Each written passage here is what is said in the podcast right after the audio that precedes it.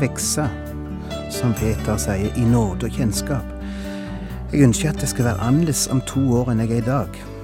Jeg ønsker at Hans nåde og kunnskapen om Han og kjennskapen til Han skal gjøre noe med meg, slik at jeg er litt annerledes som person i dag enn jeg var i går.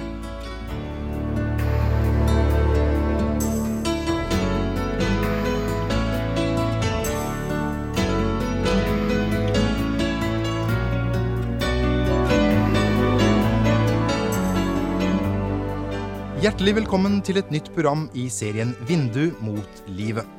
Vindu mot livet er basert på programserien Insight for Living ved Chuck Svindal. Programmet er produsert av Kristen Riksradio og blir ledet av Ola Joland.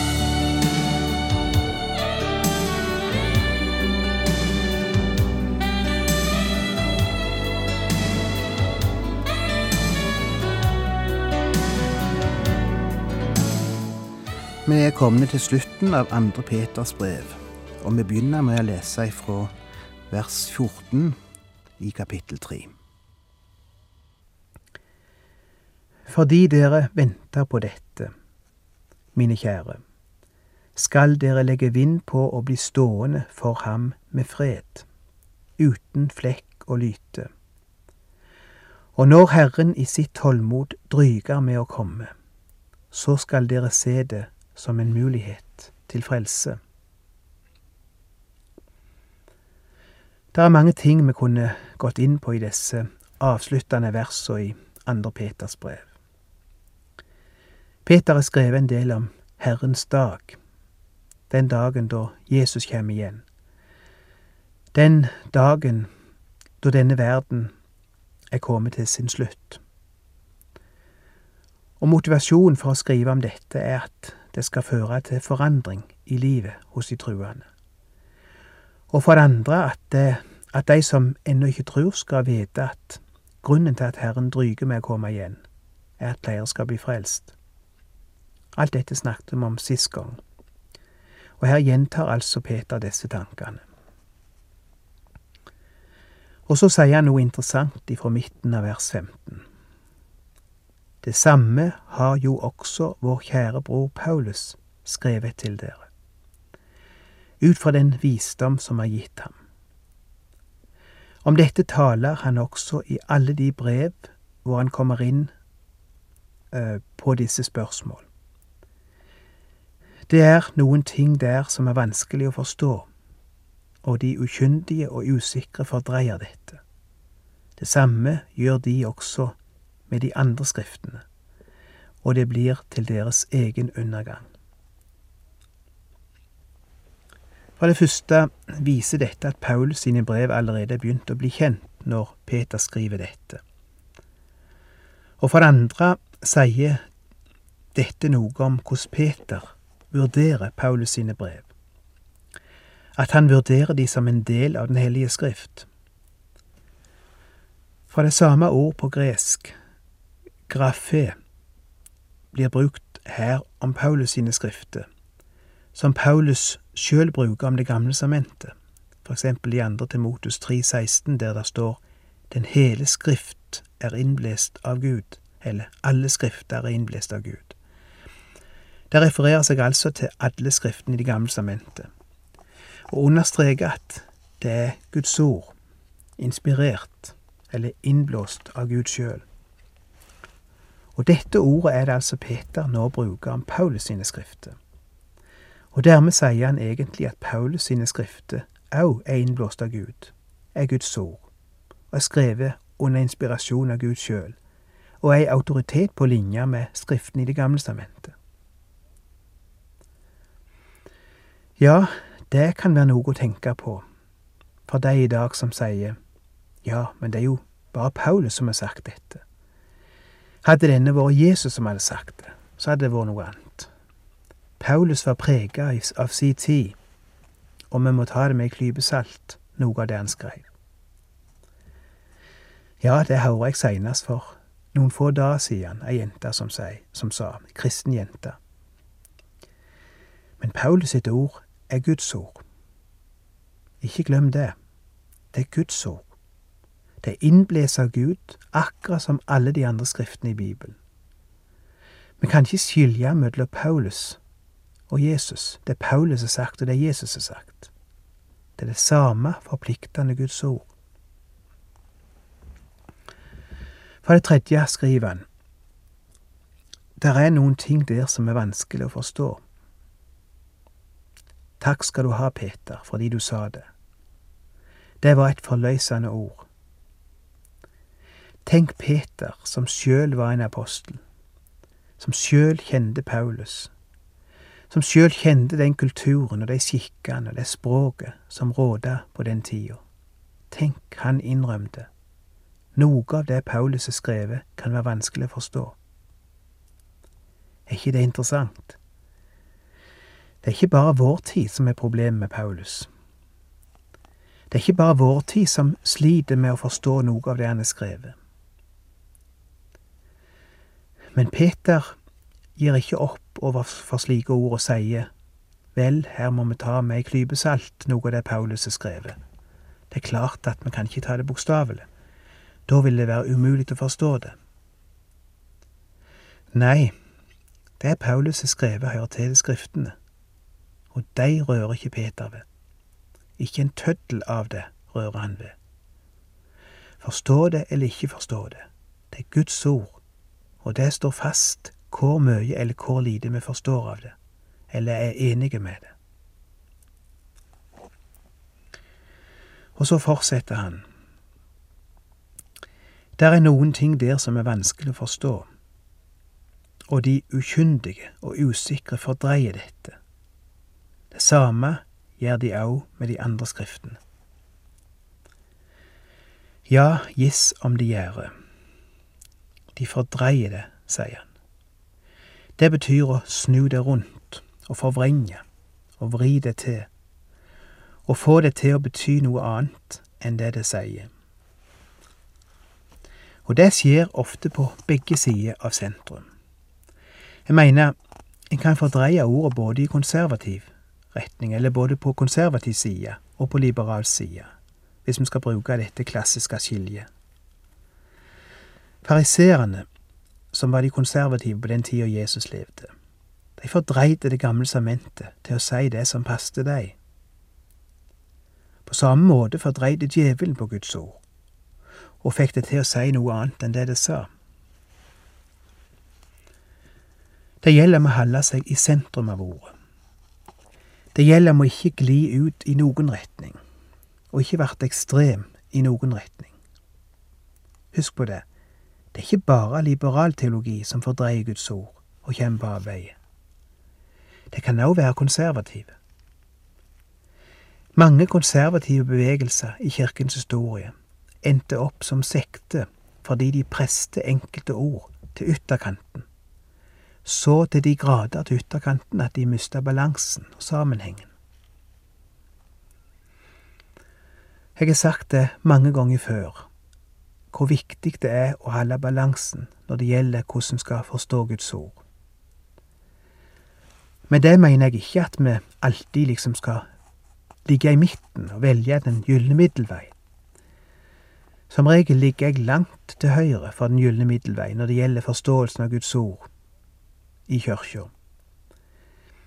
Men det jeg mener, er at vi må være balanserte og nøkterne, og prøve å holde oss i sentrum av ordet, og la sentrum forklare de mange ting som kan være uklart. Som en er sagt, å være ortodoks er som å vandre på en smal bakkekam, nesten som på et knivsegg. Et skritt til den ene av sidene er et skritt ut i avgrunnen.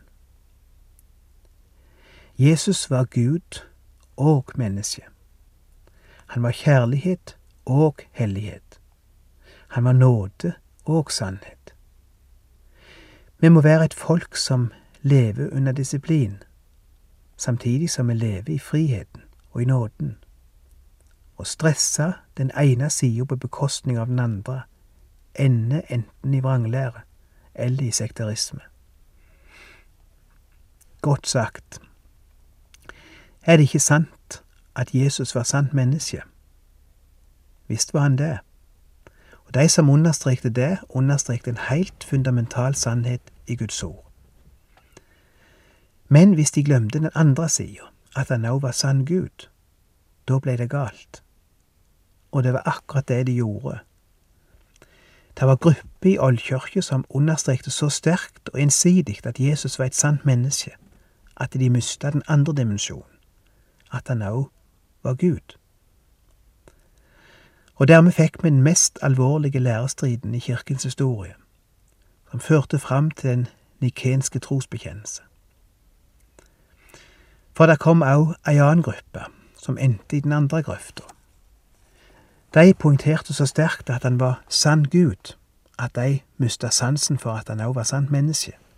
Og det ble like galt. Ser du hvor lett vi har for å miste balansen? Det er en sannhet som er blitt god og viktig for oss, kanskje. Og så har vi så lett for å gjøre den til den eneste sannhet. Og så glemmer vi andre sider ved sannheten. Og da blir det farlig. Det samme gjelder dette med at Gud er kjærlighet, og samtidig at Gud er hellig. Vi har noen som kun ser ut til å interessere seg for den hellige sida ved Gud, og glemmer at han òg er kjærlighet. Og så har vi på den andre sida de som bare snakker om hans kjærlighet, og så glemmer de å si at han samtidig er hellig, at han fremdeles er nøye med at mennesker føler hans ord, eller det at Jesus er både nåde og sannhet, som Bibelen sier. Noen er tilhengere av den Jesus som viste nåde imot alle, og glemmer at han også sa gå bort og synd ikke mer. De glemmer at han også fortalte mennesket sannheten om deres liv, og hvordan de skulle leve. De plukka ut ei side utelate den andre sida. Vi ser det hele tida. Derfor sier jeg om igjen og om igjen, la oss være balanserte. La oss få fram alle sider ved budskapet. La oss forkynne den betingelsesløse nåden slik at mennesket settes fullstendig fri i fordømmelse og krav, men samtidig la oss forkynne Han som tar det meget alvorlig med hvordan vi lever som truende at det koster han livet å fri oss ut av synda, og at han derfor ikke liker at vi skal gå inn i synda igjen og begynne å tjene den igjen. Nå vet dere dette på forhånd, mine kjære. Vær derfor på vakt, så dere ikke faller ut av deres faste stand. La dere ikke rive med og bli ført vill av mennesker uten noe holdepunkt. Dere skal vokse i nåden og i kjennskap til vår Herre og Frelser Jesus Kristus. Ham tilhører æren, nå og i all evighet. Amen. Det var slutten på andre Peters brev, og det var hensikten med brevet, at det skal vekse i nåde og kjennskap til vår Herre og Frelser Jesus Kristus. Vekse jeg har lyst til å spørre deg, vokser du fremdeles, eller har du stagnert? Spør ikke hvordan du føler det, hva du føler, om du føler du er blitt mer hellig og sterk og trygg, og har fått mer tru og alt det der, for det går på følelser ofte. Og de teller ikke så mye når alt kommer til alt. Men å vokse er noe annet. Det kan føre smerte med seg. Den perioden av liv en vokser mest fysisk. Jeg vet ikke om det er i, i 13-14-årsalderen. Men det er en periode da en ofte føler smerte i kroppen. Fordi det er så mye som er i forandring. Så mange muskler som skal tøyes. Så mange ledd som skal tilpasse større vekt, osv. Vekst betyr ikke alltid velvære. Heller ikke åndelig vekst. Det kan være de mest smertefulle periodene, de periodene en vokser mest som kristen. Ikke bare det at, at det ofte er smerte som fører til vekst, men vekst er også ofte smerte som symptom. Ikke vær så opphengt i om du føler så mye mer, om du tror så mye mer, om du forstår så mye mer. For vekst er først og fremst modning. Det er erfaring. Det er forandring. Hvis du er en annen person i dag enn du var for ett år siden, hvis du ser annerledes på ting enn du gjorde da, har fått en større innsikt, har kommet på litt dypere vann, kan se andre sider av ting enn du gjorde da, da har du sannsynligvis vokst som kristen på det året. Se etter andre ting enn det vi ofte tenker på når vi skal finne ut om vi har vokst som kristne. Se etter forandring forandring i livet, erkjennelse, innsikt. Slutt å sjå etter hva du føler, om du føler deg så mye mer åndelig enn du gjorde da. Jeg føler meg mindre og mindre åndelig for hvert år som går. Følte meg ti ganger mer åndelig for ti år siden, da jeg var ung kristen tenåring, enn jeg er i dag, hvis det kan være til hjelp for noen. Forresten, når jeg regner etter, så var jeg ikke tenåring for ti år siden. Men eh, oss si 20 år, da. Da følte jeg meg først åndelig. Men jeg vet at jeg er vokst på de ti åra. Jeg tror jeg er vokst ganske mye. Jeg ser ganske store forandringer hos meg sjøl. Ikke at jeg er blitt så forferdelig hellig og from siden den gangen, iallfall ikke slik jeg sjøl opplever meg, men jeg har modna. Jeg ser mange ting annerledes. Jeg tror jeg har fått mye større forståelse for mange ting. Jeg tror jeg har blitt litt flinkere til å lytte, kanskje. Flinkere til å se ting i en større sammenheng. Det skal vekse i nåde og kjennskap, sier Peter. Legg merke til rekkefølgen her. Først er det nåden. Vekse i nåde.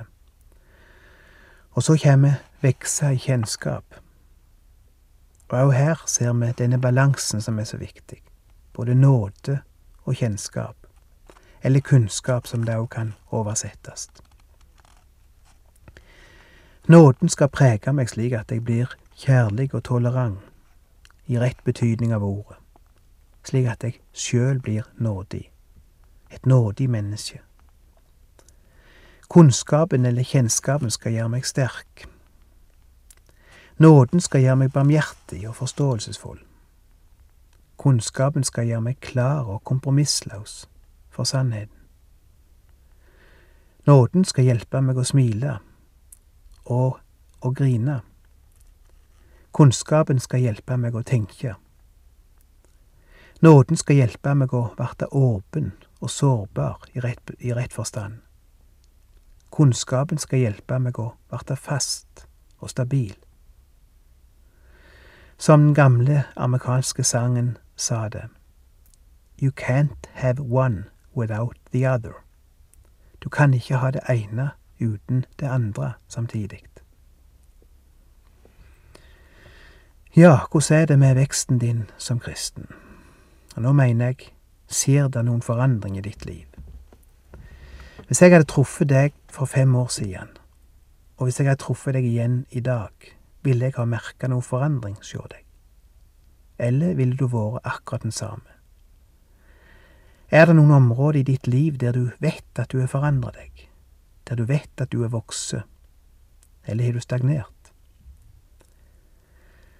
Vet du hva jeg først ser etter når jeg besøker en forsamling igjen etter at kanskje det var flere år siden jeg var der første gang? Jeg ser etter forandring. Jeg ser etter forandring hos de mennesker som er der. Ikke forandring for forandringens skyld.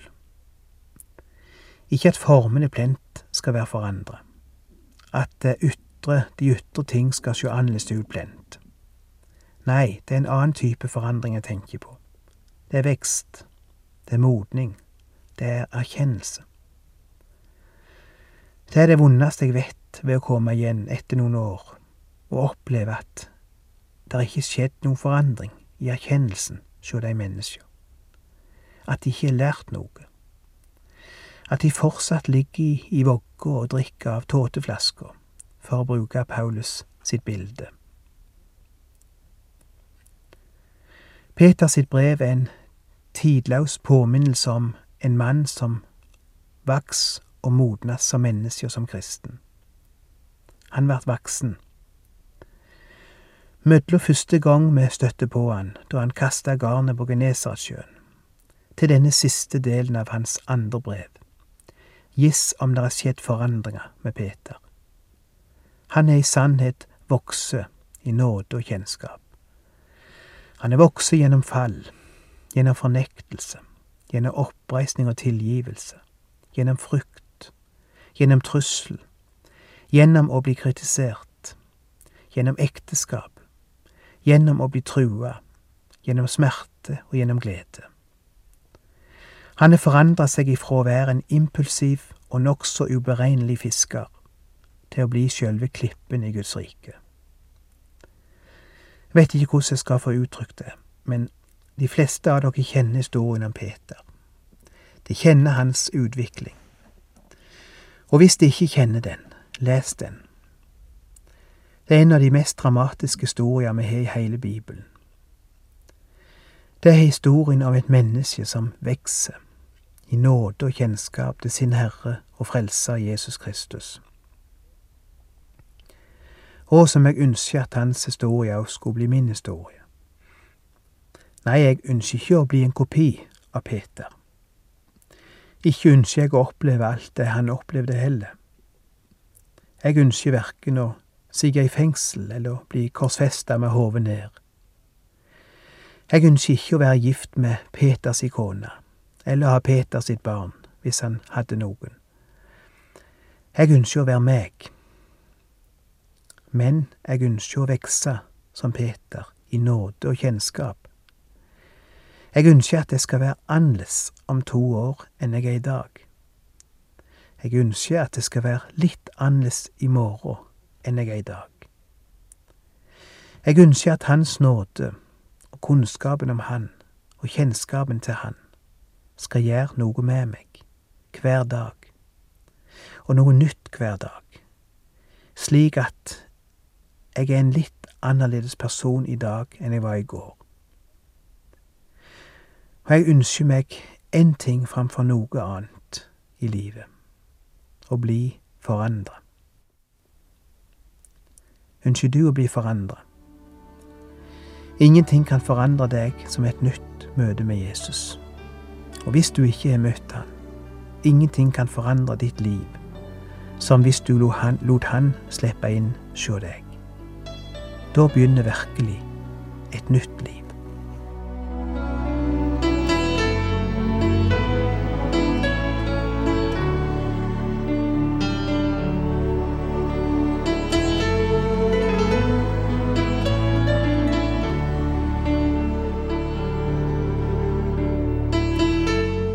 Du har lytta til Ola Bjoland i serien 'Vindu mot livet' fra Kristen Riksradios arkiv.